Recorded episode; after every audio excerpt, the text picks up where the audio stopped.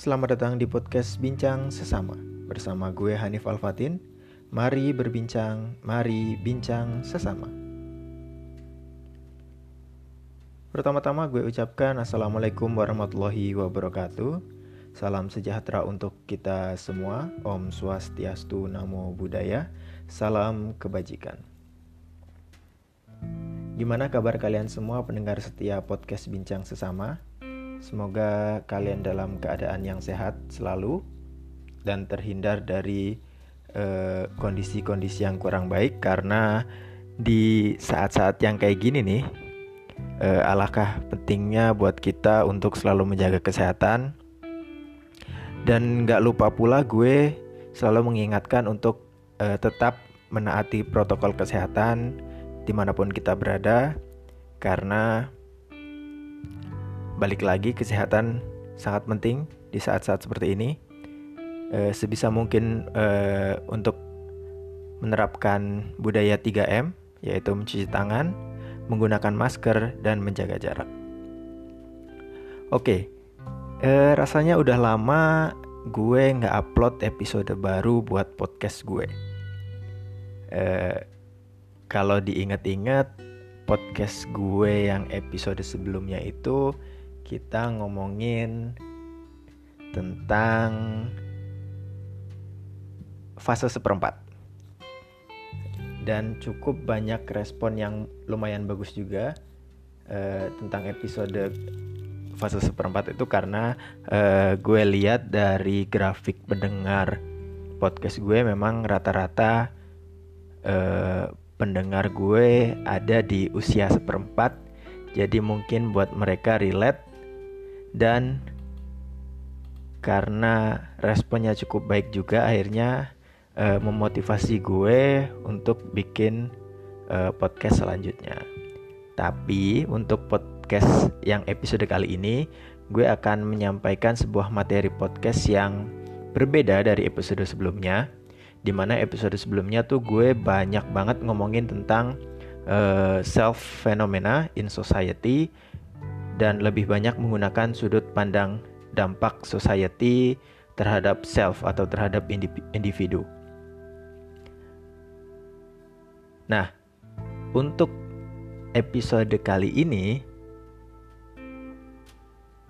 gue akan bahas yang lebih berbeda di mana di dua episode sebelumnya gue kan banyak bahas banget uh, banyak banget bahas tentang uh, socio psychology mungkin uh, teman-teman tuh mikirnya kenapa kok gue di episode sebelumnya itu banyak banget nyinggung tentang uh, psikologis kok nggak relate banget sama apa yang tertulis di bio bahwa gue banyak ngobrolin dari segi dari segi sosial budaya.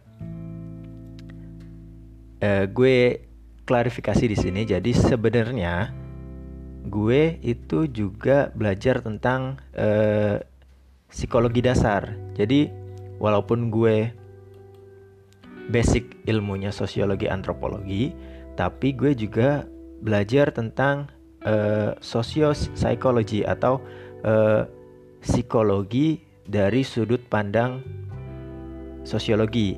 Nah, jadi untuk uh, beberapa alasan gue bisa uh, menganalisis menganalisis sebuah fenomena psikologi dengan sudut pandang sosiologi. Oke, daripada panjang lebar, kita masuk aja ke materi podcast kali ini. Nah, untuk podcast kali ini gue akan balik semua penjelasan di atas itu gue pakai sudut pandang self terhadap society bagaimana sih self sebagai bagian dari society mampu menempatkan dirinya? Dan gue akan bahas materi tentang uh, yang tadinya gue bahas sosio psychology nah sekarang gue bahas tentang social cultural phenomenon. Kira-kira gue akan bahas apa? Ya untuk episode kali ini gue akan bahas tentang di mana letak toleransi berada. alasan kenapa gue pengen banget bahas ini karena beberapa hari yang lalu, eh, tepatnya mungkin dua minggu yang lalu ya, kita baru aja merayakan Hari Toleransi Internasional, yaitu tanggal 16 November tahun 2020. Dan alasan lain kenapa gue pengen ngangkat tema ini karena gue juga pengen ngajak kalian semua sebagai pendengar setiap uh, podcast gue untuk sama-sama membangun gerakan hidup penuh toleransi. Lalu menurut kalian apa sih itu toleransi? Toleransi itu adalah cara menghargai dan menerima perbedaan atas perilaku, budaya, agama, dan ras yang ada di dunia ini. Jadi secara uh, etimologi atau secara bahasa, toleransi itu berasal dari bahasa Latin, yaitu tolerare, yang artinya sabar dan menahan diri.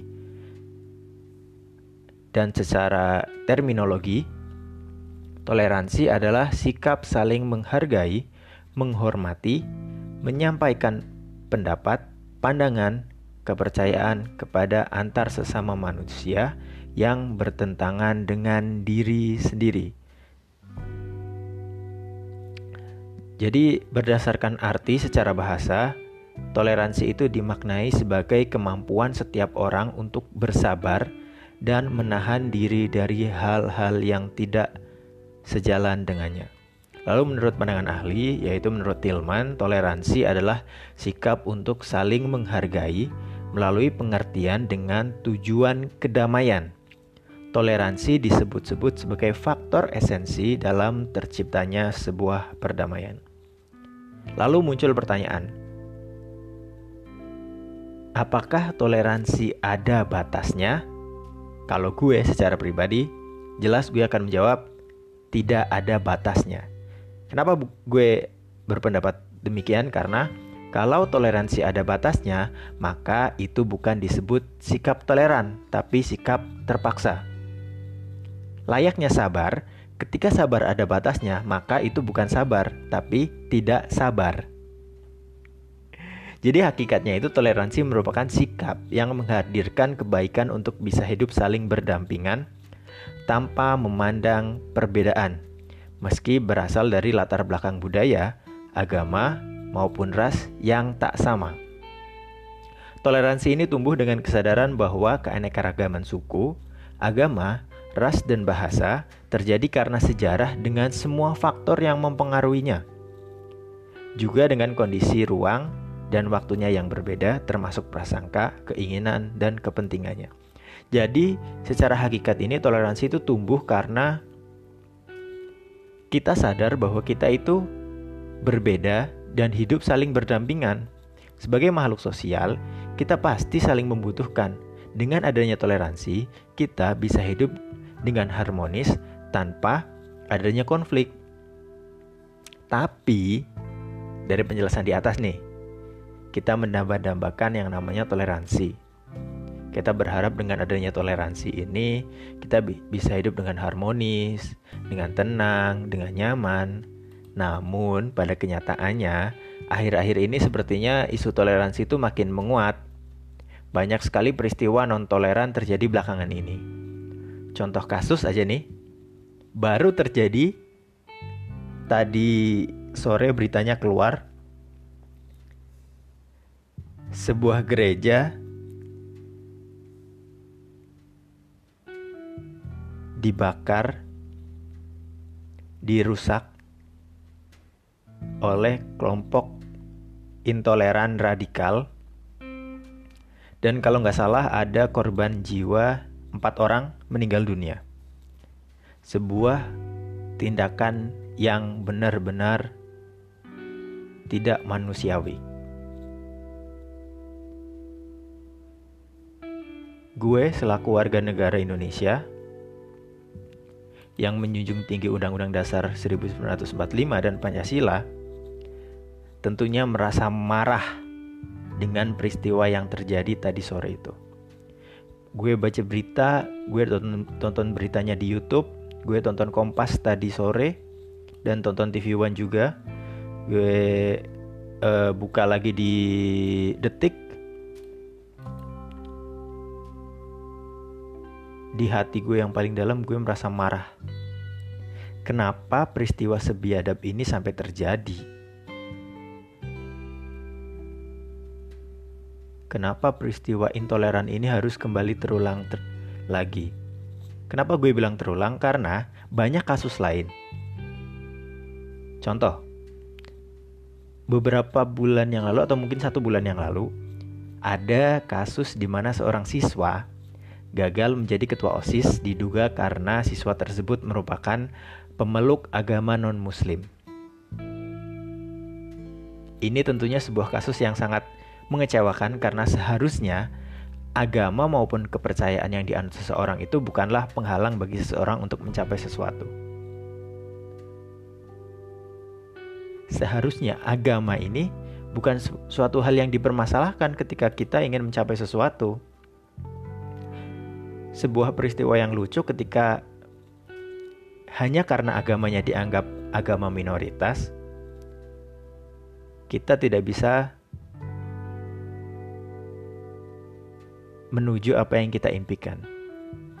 Lalu ada kasus lain yang gue kutip dari Tirto ID yaitu ada kasus pelarangan pembangunan fasilitas rumah dinas pendeta di gereja Kristen Protestan Pakpak Dairi, Kecamatan Napagaluh, Kabupaten Aceh Singkil pada 1 September 2020.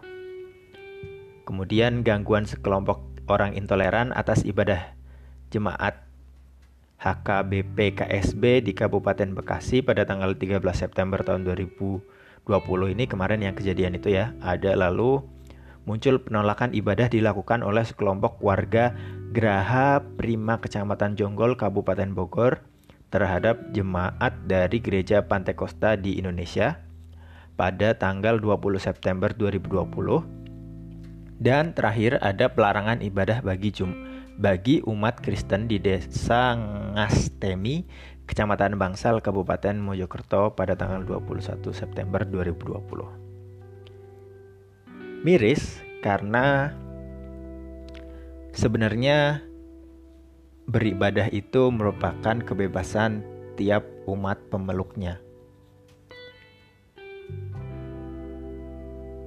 Lalu kita bertanya-tanya dong, di mana sebenarnya peran pemerintah sih terhadap fenomena-fenomena di atas, peran pemerintah ada tercantum dalam hak konstitusional atas KBB atau kebebasan e, beribadah dan beragama yang dijamin oleh Undang-Undang Dasar Negara Republik Indonesia tahun 1945 khususnya pasal 28E ayat 1 dan 2 serta pasal 29 ayat 2 Undang-Undang Negara Republik Indonesia tahun 1945 yang berbunyi 1. Setiap orang berhak memeluk agama dan beribadat menurut agamanya, memilih pendidikan dan pengajaran, memilih pekerjaan, memilih kewarganegaraan, memilih tempat tinggal di wilayah negara, dan meninggalkannya serta berhak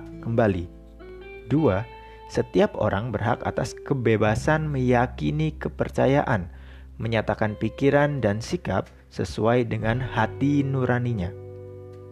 Dari undang-undang tersebut, gue bisa simpulkan bahwa seharusnya pemerintah hadir dalam setiap upaya perlindungan terhadap warga negaranya yang memeluk agama maupun kepercayaan sesuai kehendaknya. Namun nih, pada kenyataannya, kalaupun hadir, aparat pemerintah termasuk aparat keamanan itu cenderung berpihak pada kepentingan pelaku intoleran dan pelanggaran yang mengatasnamakan mayoritas. Di sini akhirnya minoritas kerap kali dikorbankan dan dipaksa mengalah atas nama harmoni dan kerukunan. Ingat, dipaksa mengalah atas nama harmoni dan kerukunan. Jelas-jelas itu bukan tindakan toleransi, itu jelas dipaksa.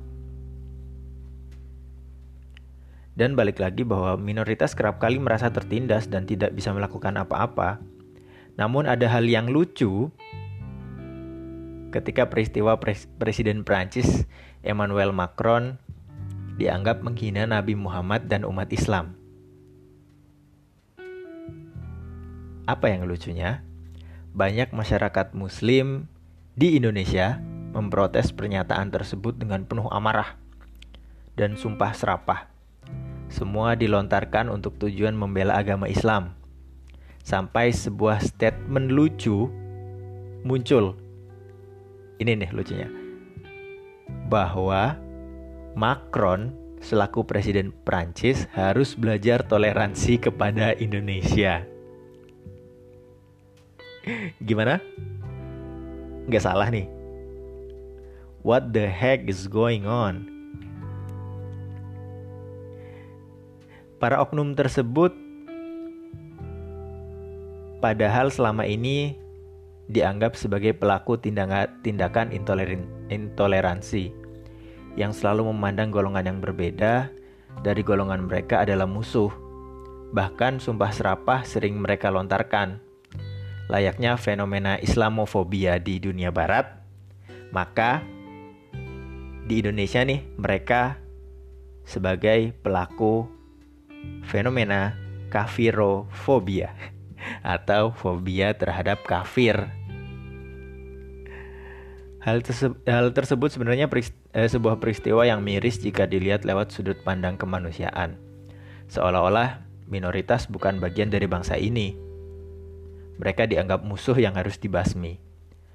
Lalu bagaimana seharusnya kita bersikap? bagi gue yang cukup aktif menyuarakan toleransi lewat platform media sosial gue, gue selalu menyampaikan toleransi lewat cara yang jenaka. Lewat komedi, kadang-kadang juga gue lewat sarkasme sih. Atau itu mungkin paling sering, sarkasme itu menurut gue paling ampuh. Tapi gue lebih suka lagi kalau lewat komedi karena gue beberapa kali uh, menggunakan jokes-jokes tertentu untuk uh, melihat sebuah fenomena tindakan intoleran. Karena uh, gue itu salah satu umat lucu ya kalau bisa di jelasin secara singkatnya. Karena gue beberapa uh, di platform media sosial gue gue selalu uh, follow beberapa Eh, media sosial media sosial dari beberapa agama. Contohnya ada Muslim eh, dari Islam dari Katolik dari Protestan ataupun dari Buddha dan Hindu dan Konghucu juga tapi garis lucu jadi gue ketika me menghadapi sebuah fenomena ini gue menggunakan perspektif lucu atau komedi ketika menghadapi uh, sebuah fenomena intoleran. Dan ketika gue aktif dengan eh, hal-hal tersebut, itu membuat gue uh, makin terbuka pemikiran gue, makin gencar lagi untuk mengenalkan toleransi itu sebagai bagian dari jati, jati diri kita sendiri. Lalu menurut gue uh, cara melawan perbuatan keji menurut gue yang paling ampuh ya menggunakan kasih dan tawa coba kita lihat aja deh gak ada seorang pun di dunia di, di dunia ini yang pengen disakitin. Adanya pasti pengen dikasihani dan dibahagiakan.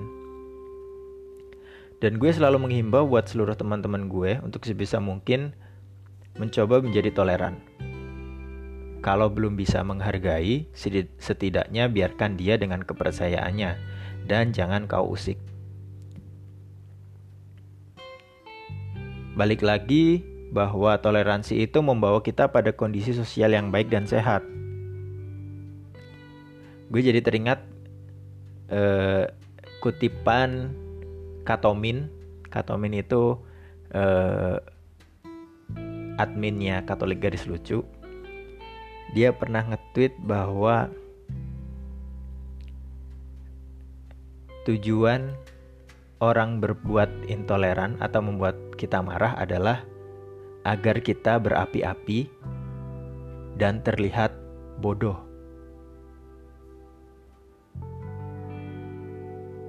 Maka, dengan kita menertawainya, maka kita akan membuat orang yang melakukan tindakan intoleran itu malah terlihat bodoh, bukan kitanya kelihatan bodoh, malah dia kelihatan bodoh. Karena kita menanggapinya dengan tertawa, dengan santai, maka orang yang melakukan tindakan intoleran itu pasti akan lebih panas lagi. Akan lebih gencar lagi dan akhirnya mereka melakukan tindakan-tindakan bodoh yang malah menghancurkan diri mereka sendiri. Dan ingat bahwa jika kekerasan dibalas dengan kekerasan, tidak akan ada ujungnya. Hanya akan membawa kepada keburukan. Coba lihat peristiwa-peristiwa di luar sana di mana ada perang antar suku, perang antar ras, perang antar pemeluk agama. Eh, mungkin gak disebut daerahnya atau negaranya gak, gak kita sebut, tapi kita lihat kita bisa tahu bahwa sentimen-sentimen perbedaan itu ketika dibentur-benturkan yang ada itu malah menimbulkan perpecahan yang lebih besar. Jadi kenapa kalau ada perbedaan, perbedaan kita hargai aja, kita hormati, mencoba menjadi uh, pribadi yang toleran. Kita sepakat bahwa kita berbeda, sudah sampai situ. Gak perlu ada lagi dibentur-benturkan lah apalah. Eh kamu kan bukan bagian dari ini ini ini ini ini ini. Nih itu malah membawa kita pada perpecahan yang lebih besar lagi. Oke, gak kerasa gue udah ngobrol panjang lebar banget, hampir 25 menit ngobrolin tentang toleransi, topik yang cukup hangat akhir-akhir ini. Uh, gue berharap sih podcast ini bisa membuat kalian lebih terbuka dan menghargai atas setiap perbedaan yang ada. Karena ini salah satu media gue untuk selalu menyebarkan sikap-sikap intoleran eh e, menyebabkan sikap menyebarkan sikap-sikap toleransi. Duh, sampai belibet banget lidah gue saking capeknya ngomong hampir setengah jam. Dan balik lagi gue berharap kalian selalu sebarkan semangat toleransi karena kasih menembus perbedaan. Sekian podcast kali ini. Mohon maaf apabila ada salah kata dalam penyampaiannya. Jangan lupa untuk selalu menerapkan protokol kesehatan di mana pun kalian berada. Gue Hanif Alfatin, podcast Bincang Sesama, pamit undur diri.